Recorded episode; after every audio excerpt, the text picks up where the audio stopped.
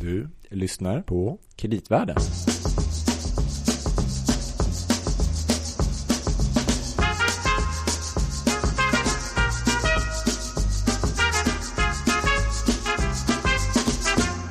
Hallå, Louis. Gabriel, är du med mig? Jag är med. Jag är med. Ja, jag hörde någon mer där också. Jo, jo. Han, han sitter här i sitt, så- i sitt hörn. Ja. Thomas ja, vad bra. Ja, ja ett nytt, uh, nytt forum för inspelning igen, Gabriel, denna gång av Kreditvärlden-podden. Ja, precis för alla lyssnares skull så ska vi berätta att det här är nu ett telefonsamtal, trepartssamtal som vi spelar in. Så ingen ser varandra, eh, än mindre nu. Men det ska nog bli bra i podcasten Kreditvärlden. Ja. Mm. Av och med Louie och Gabriel. Mm. Och idag även återigen med Thomas Ries, en Ja. kär gäst. Hej. Och du, för de som inte känner dig Thomas, du är lektor i strategi och säkerhetspolitik, eller hur? Jo, just det. Och så har jag jobbat med sådana globala säkerhetsfrågor i, i nästan 20 år nu.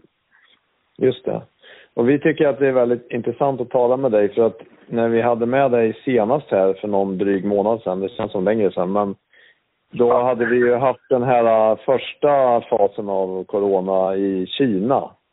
Och hade väl inte riktigt förstått vad som skulle hända i Nej. Sverige. Men du, har ju, men du har ju länge pratat med oss om det här med att pandemi är en av de, kanske den största risken mot, ja egentligen hela vårt, vår globala ekonomi. Och det är väl en sanning som vi får se svaret på just nu spelas ut. Ja, ja det, det är två grejer. Det, det ena är pandemi och det andra är någon slags cyberkrasch i stor skala. Det är de två riktigt stora hoten som mänskligheten står inför.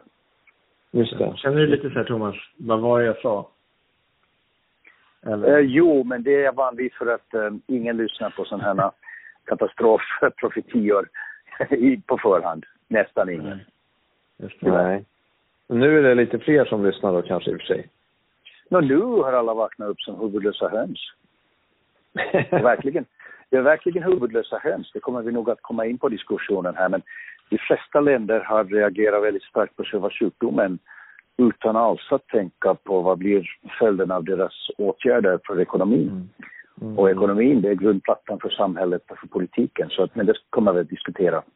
Mm. Ja, men jag tänkte vad som kunde vara intressant är ju egentligen om man tar det tillbaka till det vi slutade vår diskussion. För att då anade vi väl kanske inte att det skulle bli så, så här pass dramatiska mm, påverkan på vårt samhälle. Det kanske man kan säga på sätt och vis är lite naivt. Men å andra sidan, det som är väldigt intressant, för det tycker jag är en, en intressant fråga till dig. Vad är det, tror du, som gör att vi har valt att bekämpa just covid-19 så här pass massivt som vi nu gör på en global basis om vi jämför med tidigare pandemier? Är det det att vi har varit så dåligt förberedda eller är det att sjukdomen är så hemsk eller är det någon, eh, något liksom att det är globalt, vi har ett globalt sätt att sprida nyheter på? Vad tror du? Ja, det är nog en kombination av flera saker. Vi har alltså haft eh, några, de sista 20 åren så har vi haft lite varningar för det här sars-epidemin till exempel. Men den var inte så smittsam. Så att eh, den var ganska dödlig. Men den var inte alls så Mm. smittsam som, som covid-19. Och det betyder att den nådde egentligen inte våra länder i, i stor skala. Och då behövde vi inte göra motåtgärder. Och så hade vi ju den här mycket, mycket dödliga MERS, sån medelhavssjukdom, som är mycket dödlig men som man lyckades eh, låsa in, alltså begränsa spridningen. Eh, och sen hade vi den här så kallade svininfluensan, eh, och där, men där förberedde vi oss, vi hade ett år på det och folk blev vaccinerade och så vidare. Så att vi har inte riktigt ännu upplevt en, en sjukdom som är så smittsam som den här och det är ju det som gör det delvis till en pandemi, att, att den har spridit sig runt världen. Eh, och det är nytt. Eh, och, det, och, sen, och sen det är kopplat till att i våra samhällen, vi är inte alls längre vana vid att det sker något som inte är lite, lite dramatiskt, att folk insjuknar och dör. Eh, om man tittar på covid-19 så själva sjukdomen egentligen, den är, den, det här vet jag att det, det är kontroversiellt att säga det, men den är väldigt triviell. Om vi tittar på, det, det en, den enda säkra statistiken vi har det är antal dödsfall. Men om vi Mm. tittar på det som en del av totalbefolkningen så på, på, på världsbasis per idag, den 15 april, så är det 0,0016 procent av världens befolkning som har dött. Eh, och det är en väldigt liten andel. Det är 127 000 människor. Om vi tittar på Sverige så är det 0,01 procent som har dött. Och sen kan man säga okej, det här är bara början på pandemin. Det kanske kommer att öka tiofalt eller hundrafalt. Men även om det gör det så är det en mycket liten andel av befolkningen som faktiskt dör. Det är det första. Och det andra sen är att de som dör, det är nästan 90, ja, det är till 99 procent folk som redan har en kronisk sjukdom eller som är över 70-80 år. Så det är, det är en, en liten andel av befolkningen som faktiskt drabbas av det, väldigt lite, pytteliten. Um, men den är sensationell, för det, det sker fort. Folk, folk, uh, folk drabbas hårt, alltså ungefär 20 procent av dem som, som konstateras sjuka så måste eh, föras in på sjukhus i genomsnitt. Och det är ett stort antal och av dem så är det ungefär 6 procent som blir kroniskt riktigt allvarligt sjuka, att de måste ha specialutrustning och allt det där. Och det här är ju sensationellt. Ser man bilder på hur hälsoväsendet blir överbelastat, läkarna blir sjuka, eh, människor dör på kort tid i ganska stor skala. Men att det här påverkar egentligen inte samhället skvatt, annat än våra motåtgärder påverkar det. Men det påverkar inte samhällets funktionalitet eller ekonomins funktionalitet i sig själva sjukdomen. Men, men det är sensationellt och då, och då reagerar vi väldigt starkt, folk blir rädda. Och politikernas första instinkt är att rädda liv eh, utan att tänka på ja, vad blir konsekvenserna av deras försök att göra det. Alltså det är lockdown då, motåtgärder. Mm. Men jag tänkte på, på det temat där, för att olika regimer kan man ju säga har han, valt att hantera det här på lite olika vis. Vi hade ju först Kina med, där man stängde ner väldigt mycket i Europa kanske ja, delvis nedstängt, lite mindre i Sverige. Sen har vi rätt intressant om man tänker USA till exempel med Trump som var en sån som sa tidigt att det här är ingenting att bry sig om. Men sen har man, Ja, vänt, ja. man liksom vänt runt och nu är det väldigt hårt även där. Det är ju Ja, ganska intressant. Jo, no, ja, bara för att börja från början egentligen och för att vara riktigt precis. Eh, vad vi förstår nu så bröt den här sjukdomen ut i Kina någon gång i slutet av november.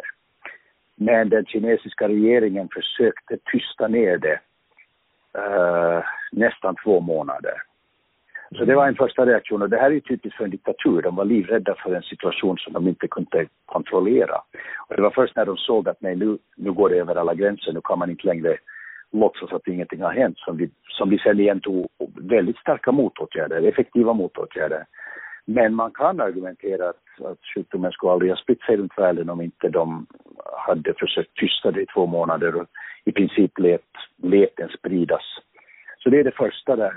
Men sen är det klart, sen har vi haft olika reaktioner. Eh, jag menar Ryssland var lite samma sak. Det har också Putin ända till idag sagt att ja, det påverkar inte Ryssland.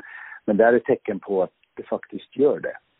Men när det gäller länder där, som är relativt transparenta som våra länder och också en stor del av Asien så där har vi haft olika reaktioner. Länder som är väldigt organiserade och som har en väldigt stor social disciplin som Sydkorea, Japan, eh, Singapore har hanterat det här förträffligt.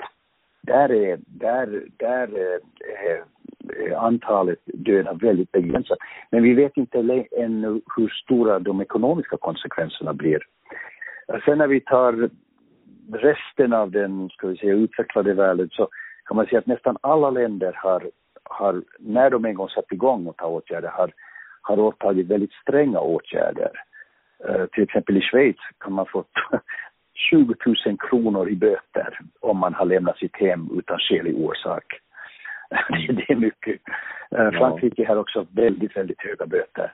Uh, nästan 3 000 kronor kan det vara i Frankrike. Så där, och där är det riktigt en sträng lockdown. Um, men, men, men och, och, USA börjar nu punktvis också få mycket sträng lockdown. De, men som sagt, USA är ett särfall för att Trump är så, så, så, så, sån speciell och ovanlig politiker som är så otroligt okunnig. Uh, att, att det, det är tack och lov inte ofta som vi utvecklade länder har så, så dåliga ledare helt enkelt. Eh, jag menar, när han försökte förneka det i början så var det väl egentligen bara att han, han ville, han trodde inte på att det kunde hända. Sen när han började inse att det påverkar ekonomin och att det därmed kommer att påverka antalet arbetslösa, som det har gjort i enorm skala i USA, och då började han inse det här kan påverka hans presidentvalskampanj, så då reagerar han starkt. Men, men det är ett särskilt Men de flesta, ska vi säga, europeiska länderna, så de har reagerat rätt hårt med stränga åtgärder. Här är Sverige undantaget faktiskt. Här har Sverige haft en mycket lösare linje. Jag tycker den är mycket speciell, väldigt, väldigt spännande och modig. För att jag förmodar att eftersom Sverige har gjort det för att regeringen har bestämt att vi ska också ta hänsyn till de ekonomiska konsekvenserna av våra motåtgärder och vi ska förhindra att de blir för hårda. För att i de här andra länderna där man har fullkomlig lockdown, så där så, där så krasch, där blir ju folk arbetslösa, där kraschar deras, deras arbetsplatser, där blir det konkurser. Och för att undvika det måste regeringen ta ur sparkassan och, och betala ut arbetslöshetsunderstöd eller på annat sätt se till att folk får en lön och att, att kanske företagen får ett stöd. Men det blir enorma ekonomiska konsekvenser. Här tycker jag att Sverige har har följt en väldigt intressant och väldigt, eh, egentligen tror jag, klok linje. Att man försöker ändå hålla nationalekonomin någorlunda på, så gott på gång som det går. Eh, och vi får se, vi vet inte utfallet ännu. Om det sen visar sig att Sverige får tio gånger högre dödsfall än andra länder, så då kanske det visar sig att det är fel. Men hittills har vi inga sådana tecken på det. Sverige har lite högre dödsfall, jäm, jäm, länder som man kan jämföra med, men, men ingenting dramatiskt. Så egentligen tycker jag att, att Sverige är ett, ett exempel på en regering som har verkligen tänkt strategiskt i det här och inte har rusat som en huvudlös kyck, kyckling in dit och bara sagt att nu stänger vi ner allt.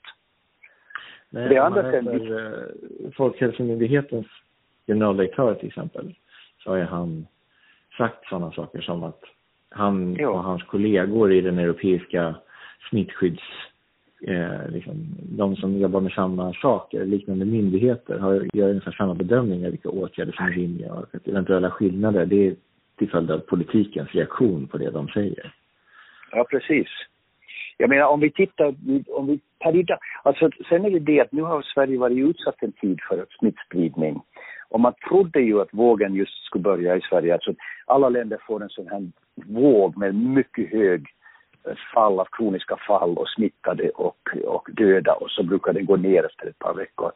Och man trodde att den här vågen skulle börja i Sverige, just i Stockholm, men nu verkar det inte så. Det sista talen är att det har gått lite ner. Om vi tittar, om vi jämför Sverige med till exempel Danmark eller Norge, så, så Sverige har faktiskt tio gånger mer döda. Eh, Sverige har cirka 1000, 1033 döda per idag faktiskt. Danmark har 139 döda och Norge också 139. Eh, Finland har bara 64, så där är det mycket högre. Men om man jämför med Schweiz så är dödstalen ungefär samma. 1174 döda i Schweiz per idag och eh, 1033 döda i Sverige. Eh, så att det är ungefär 0,01 procent av befolkningen då. Så att eh, Sverige har högre tal än våra närmaste grannländer, men det är inte dramatiskt annorlunda än, än stora delar av Europa. Nej. Vad tänker, Thomas, vad, vad tycker du att den här, eh, om man säger covid-19 situationen säger om om sårbarheten i vårt samhälle då, om man, om man jämför, för du var inne på andra nordiska länder, men till exempel Sverige och Finland, om man ser på hur man har, vilken beredskap man har, eh, och, och ja. liksom både inom sjukvårdsmaterial men även kanske matförsörjning och sånt där. Det skiljer sig ganska mycket åt har det visat sig, eller hur? Mycket stora skillnader. Eh, men här kan man säga att egentligen det är, bara, det är bara, nästan bara ett land som, som, som är på ena ytterkanten och sen nästan alla andra är på den oförberedda sidan. Uh, för att det var precis som Ukraina 2014 när Ryssland invaderade Ukraina. Före det så trodde ingen i Europa att det skulle bli krig uh, i Europa längre. Och sen plötsligt vaknar de alla upp, vad jo det kan hända i alla fall. Och så börjar man försöka bygga upp. Man hade ingen beredskap, nationalförsvarsberedskap. Skillnaden var just Finland där man var på sin vakt. Och samma sak mm. gäller, ska vi säga, totalförsvar. Efter kalla kriget så la Finland aldrig ner sitt totalförsvarssystem med beredskapslager. Och det innebär i det här fallet också hälsovårdsutrustning och så vidare. Och det betydde att när Finland en gång bestämde sig för att nu ska vi hantera det här, så då, hade, då, och det, och då kunde man ta de här beredskapslagren och det har man gjort i Finland. Så Finland när det gäller sjukhusplatser, skyddsutrustning för personalen och så vidare, respiratorer och allt det där, så har Finland en, en, en förhållandevis mycket bra reserv jämfört med nästan alla andra länder. Så där kunde man göra det, men i de andra länderna, ja, då måste man rusa ut på världsmarknaden och försöka få tag på skyddsmasker. Något så, så enkelt som skyddsmasker i sista minuten. Och det gick ju inte att alla skulle få det. Och då, då började vi se också i EU sådana hemska saker att leveranser av skyddsutrustning till ett land så kapades av andra länder och eh, ruskiga saker. Men vi var alla nästan väldigt dåliga, dåligt förberedda för det här, ut, utom Finland. Då.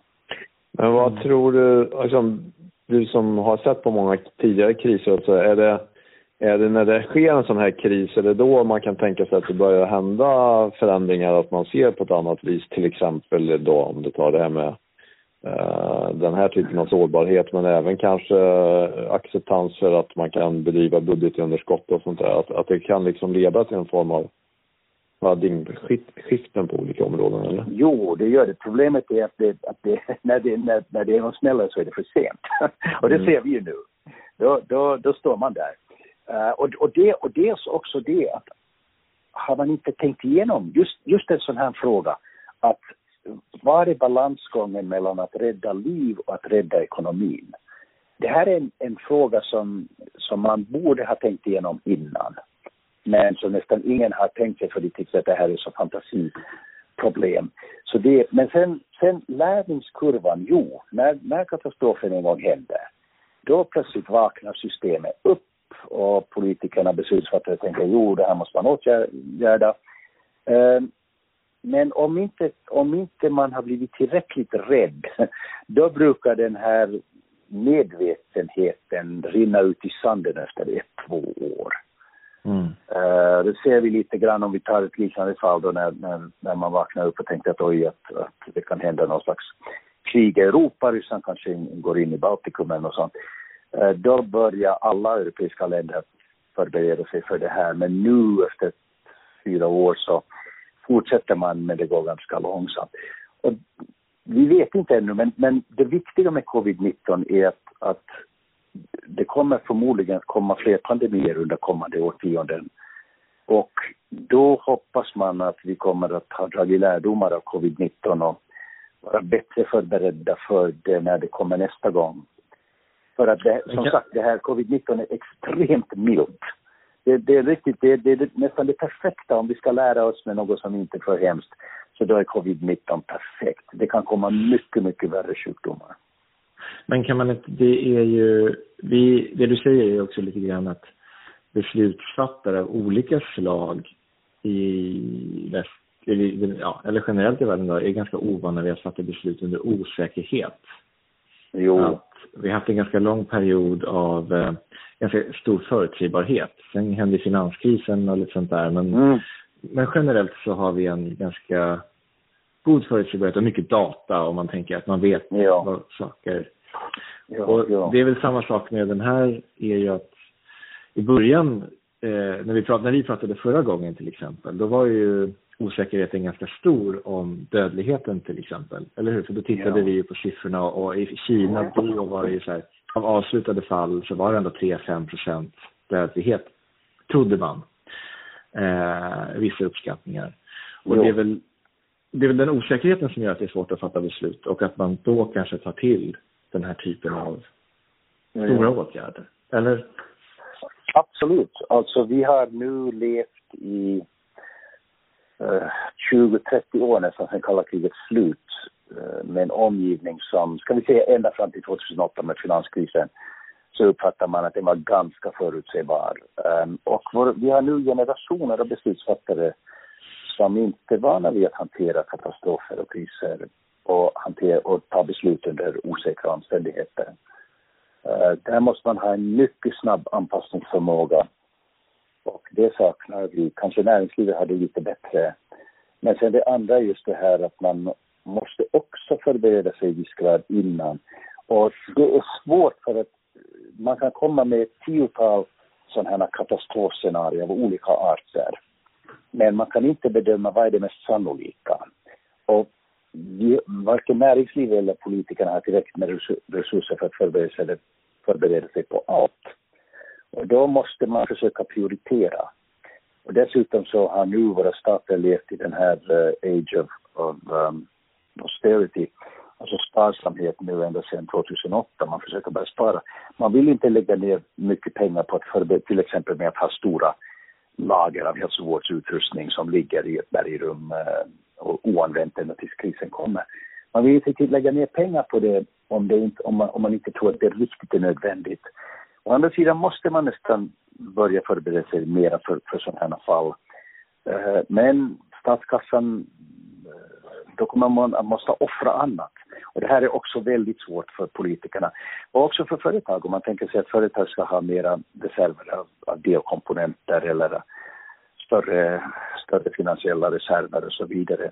Det kostar och um, i en hypereffektiv ekonomi så vill man undvika det.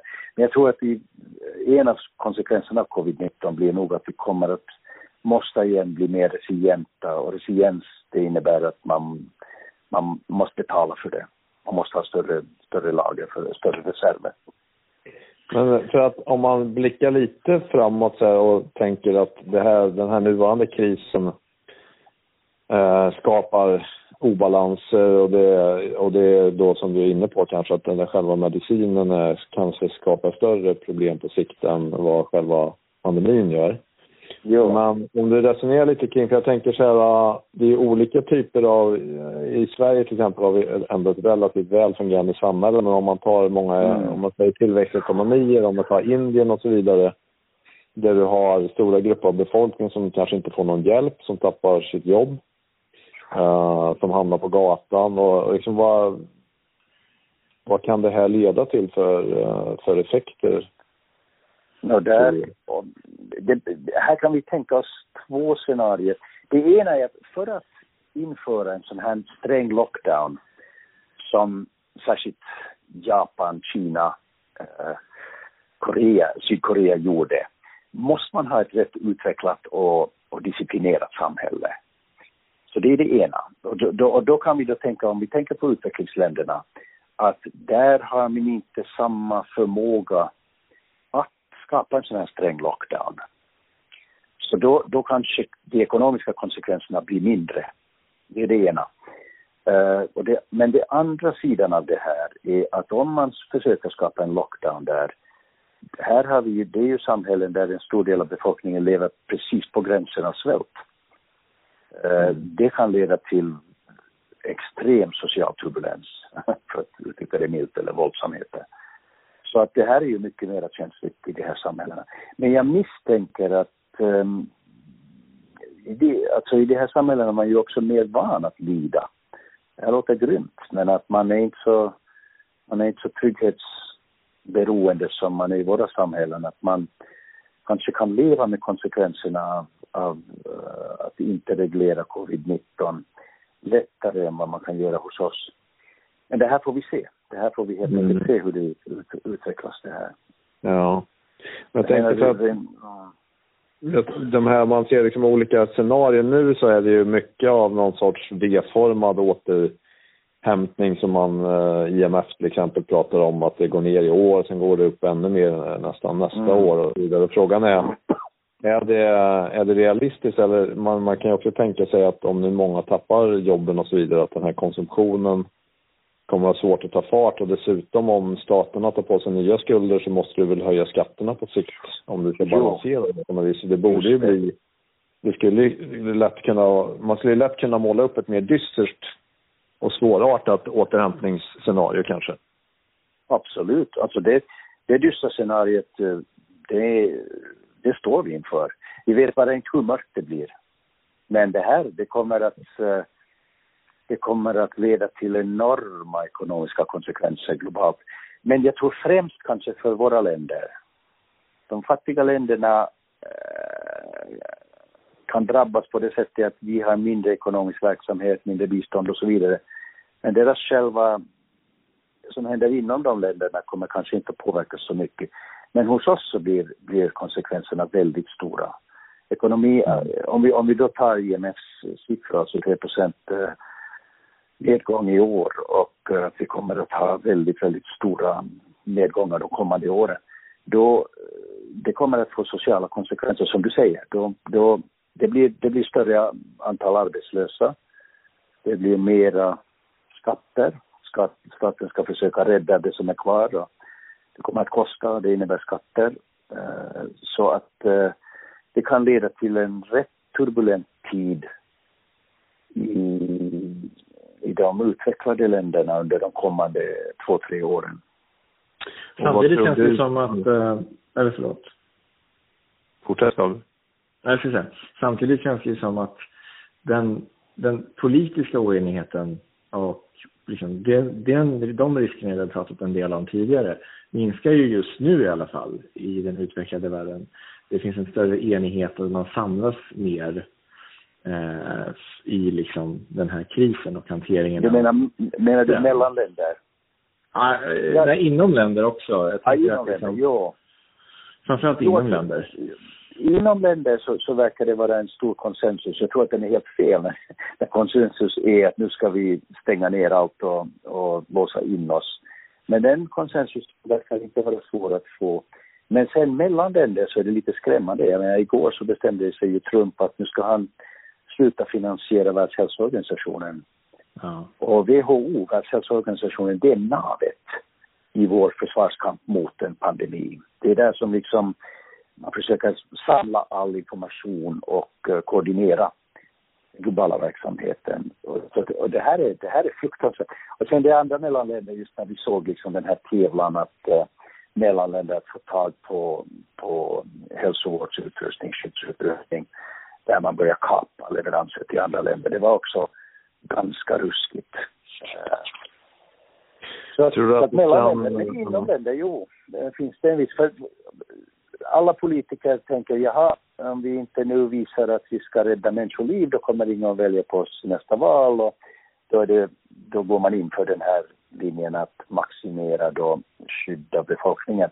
Men problemet är att det kommer att, de kommer att få betala ett mycket högt pris för det om ett halvår när de ekonomiska konsekvenserna börjar slå till.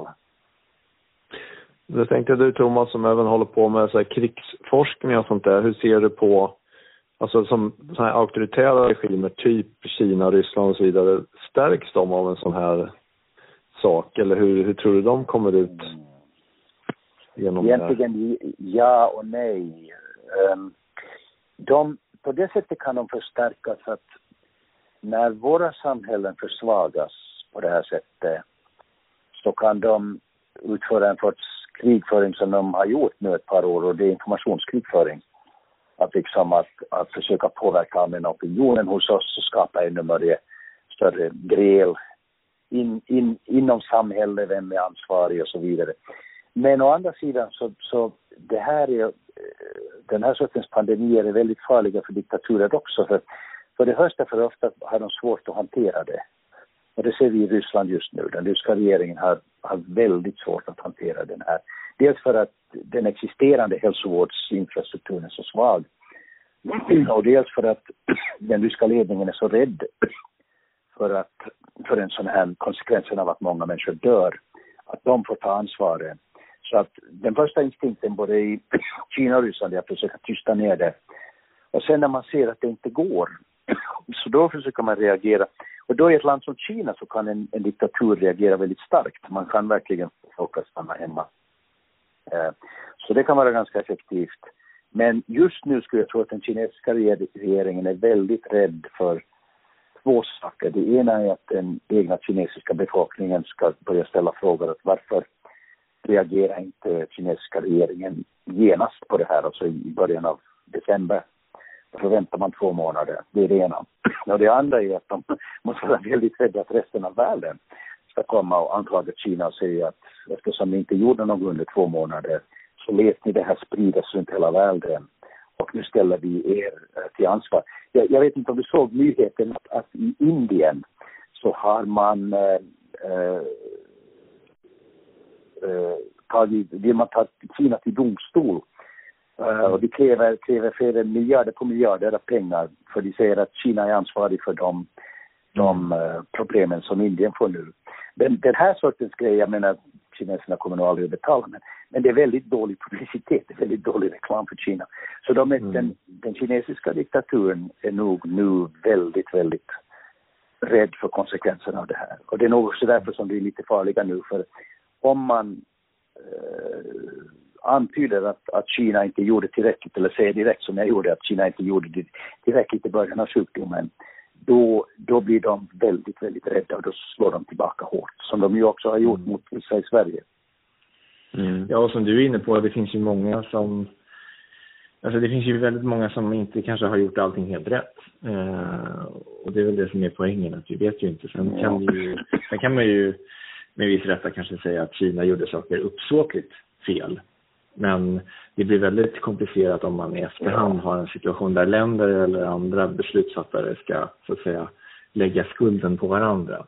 Ja, precis. precis. När det är ett det, det, det, det, går egentligen inte och ekonomiskt skulle det, skulle aldrig, aldrig gå. Då kraschar Kina ekonomiskt och det, det förlorar ju alla på. Så nej, men helt riktigt. Men problemet här är just diktaturer är inte i sin natur, de är inte transparenta. Och ska man hantera ett sådant här problem då är det väldigt viktigt att man är transparent genast från början. Att folk blir medvetna tidigt att nu är, nu är det ett allvarligt problem, vi måste åtgärda det. Eh, men en diktatur är inte transparent och där är den första instinkten att försöka eh, tysta ner ett sådant här problem. Mm. Tills det sen blir så stort att det inte går att tysta ner. Men då är det för sent. Då är, då är problemet rotat. Där har vi, där har vi med diktaturer. Mm. Sen när de en gång sätter igång så kan de vara hur stränga som helst och det kan vara effektivt i en pandemi men, men då är det för sent. Mm. Vad tror du nu kommer att ske framöver då, Thomas? uh, vilken typ av... Jag tror du har indikerat att liksom den typen av val vi kommer att få göra i våra samhällen är, kommer att vara tuff, kanske tuff, tuffa val som vi kommer ja, att prioriteringar ja. behöver göra, eller? Vi kommer att måste bli, bli vana att eh, dels att börja förbereda, tänka på sådana hemska saker som kan drabba våra samhällen. Det här är inte det enda, det finns flera liknande katastrofer. Eh, så vi måste, kommer att måste bli vana vid att tänka igenom det här innan det händer. Det har vi inte gjort ännu. Och sen också att ta, vidta vissa åtgärder. Och det andra sen är att vänja sig vid att beslutsfattning under osäkra omständigheter där det finns, inte finns några goda val där man måste välja mellan elden och stekpannan om man vill. Att uh, det finns bara val som kanske är lite mindre dåliga än andra. Det, det är vi inte vana vid, men det kommer vi att måste börja, börja fundera på. Och för näringslivet är lite samma sak. Att, uh, måste man börja tänka igen att, att man måste ha större säkerhetsmarginaler mer nationell. Nu är det ju många som talar om att nu kommer vi att måste återgå till att ha en större nationell produktionskedja så att man är mm. inte så sårbar för externa händelser eller att man har en lite större lager av reservkomponenter och så vidare. Men, men det är dyrt. Det kommer att uh, minska profitmarginalen. Så, men det, det är sådana här frågor som vi kommer att måste börja, börja tänka på inför framtiden. Mm.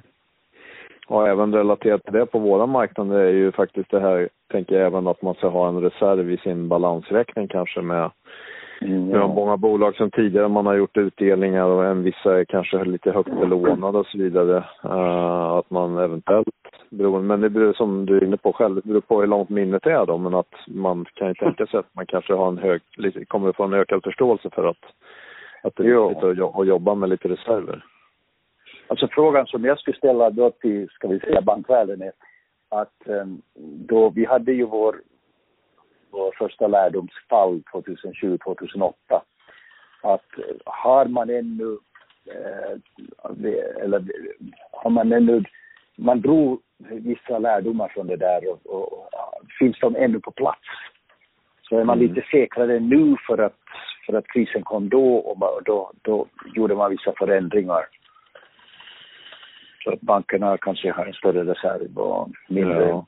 sårbara. Men det är ju i, i det sammanhanget rätt intressant att notera vad till exempel uh, Fed, Federal Reserve gör i USA där man varje gång det blir en skakigt på marknaden så kommer man ut med nya räddningspaket och nu är man ju till och med inne på att stödköpa olika jo. typer av high yield-obligationer och då känns det som att man, man liksom bailar ut de som har tagit risk.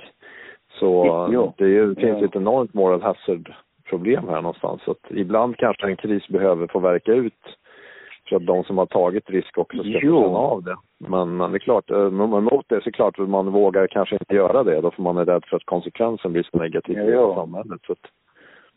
Men det är ju det, det, är ju det här gamla, samma om, om, om eh, om du lånar 10 kronor från någon, ja då, då måste du, då, då, då kan du gå konkurs. Men om du har lånat 10 miljoner så då, då kan du inte lä, lägga gå konkurs. Nej, det är lite nej samma men äh, exakt, ja precis, exakt. Samma, samma princip. Men problemet är alltså, alltså här i naturen har vi, alltså de som, de som tittar på hur naturen sköter ekologiska systems säkerhet, där, där finns det många lärdomar. Om man tar skogsbränder till exempel, om man allt för länge försöker bekämpa skogsbränder, då blir det kanske mindre små bränder under ett antal år. Men sen när, när branden kommer så blir det katastrofal. För då har det hopat sig massor med dött, döda träd och grenar och saker. Och, så att, så att en, en serie med små skogsbränder är naturens sätt att undvika att man får enorma katastrofala skogsbränder. Mm. Och det är lite samma sak, tolkar jag dig här som, att kanske i princip skulle det vara lite sundare att, att äh, inte mm. komma med bailout. Problemet är bara att om hela systemet är beroende av det här som man bailar ut så då, då har man inte riktigt något val för då kraschar kanske hela systemet. Och det var väl just dit vi kom i 2008 i Wall Street att man kom väldigt nära det. Och, och där har vi problemet nu. Men det här, det här skulle man säga att det, det, då, då måste vi ha en lärdom av det här. Och sen i, mm. efter när vi har kommit ut av det här vidta åtgärder så att, så att vi är mindre sårbara nästa gång. Mm. Ja, det finns många fler aspekter av det här. Man tänker direkt på rättviseaspekter som kan vara av att man låter krisen verka ut för vissa men man måste rädda de som är systemviktiga och så vidare. Och vilka branscher det än kan vara. Så det finns mycket mer att prata om, eller hur Louie? Ja, det väcker liksom som alltid med dig Thomas, det väcker, den här diskussionen väcker nya intressanta tankar och frågor. Men det är ju precis det som är så bra med att prata med dig. Mm. Men hoppas det, hoppas det. Sen, sen, får vi se hur det går. Sen om vi, om vi avslutar diskussionen så är en sak som är viktig att min erfarenhet av att för väldigt länge, att de blir sällan så hemska som man tror. Så nu när vi, när vi tittar på de ekonomiska och sen sociala konsekvenserna för, ska vi säga, Europa, Nordamerika av det här så just nu är jag väldigt rädd att de blir väldigt allvarliga. Men min erfarenhet säger mig att, att ja, om två, tre år så kan vi kanske ändå återgå till ett någorlunda normalt tillstånd. Mm. Men man vet inte. Och, det, och det, vi, om ett halvår så kommer vi nog att vara i en mycket mörkare situation, både ekonomiskt och socialt. Mm. Det var ju en lite dyster slutton. jo, men jag, jag tror den är, den är nog helt, helt logisk. Och sen är ju också en, en viktig fråga, och det här är också, tror jag, Sveriges linje ganska bra. Genom att man har lösare, eh, mindre, mindre stränga kontroller i Sverige, folk kan blandas lite mer så blir en mycket större del, som du antydde tidigare, eh, del av befolkningen nu eh, immuna. De har, eller, de har mm. haft sjukdomen. Jag tror faktiskt att jag själv har haft den. Jag, igen, det är omöjligt att veta. Men att eh, jag, det finns tecken på att jag kan ha haft den. Och jag tror mm. att väldigt många har haft den som vi inte vet om. Eh, och det betyder att det blir i sin tur om, om en stor del av befolkningen har varit utsatt för smittan och sen också blir immuna, det är ju det som är lite mm. osäkert, men om de blir immuna, då kan man återgå till det normala inom ett land mycket, mycket fortare. Medan de här länderna som har väldigt stränga lockdowns, så där är ännu en stor del av befolkningen sårbar. Mm. Och, då, och den, den riktigt djupa frågan här är, vad är exit strategy? Hur länge ska man hålla befolkningen inlåst innan man vågar släppa ut dem? Och i Sverige så är den här frågan inte så känslig för att stor del av befolkningen rör sig ännu ganska fritt. Men i länder som England och sådär, där, eh, eller Frankrike, eller, ja vi får se. Schweiz verkar det nu vara som talen går ner. Så det blir ett testfall. Vi får se lite hur det går där. De har mm. sagt att om två veckor ska de lite börja släppa på restriktionerna. Och då får vi se. Om igen sjukdomarna skjuter i höjden så då, då har de svårt där. Men, eh, men exit strategy för våra samhällen, det är A och O. Och där mm. tror jag igen att den svenska regeringen har tagit en mycket klok linje. Så är det lättare att släppa på det här än i de flesta andra europeiska länderna. Mm.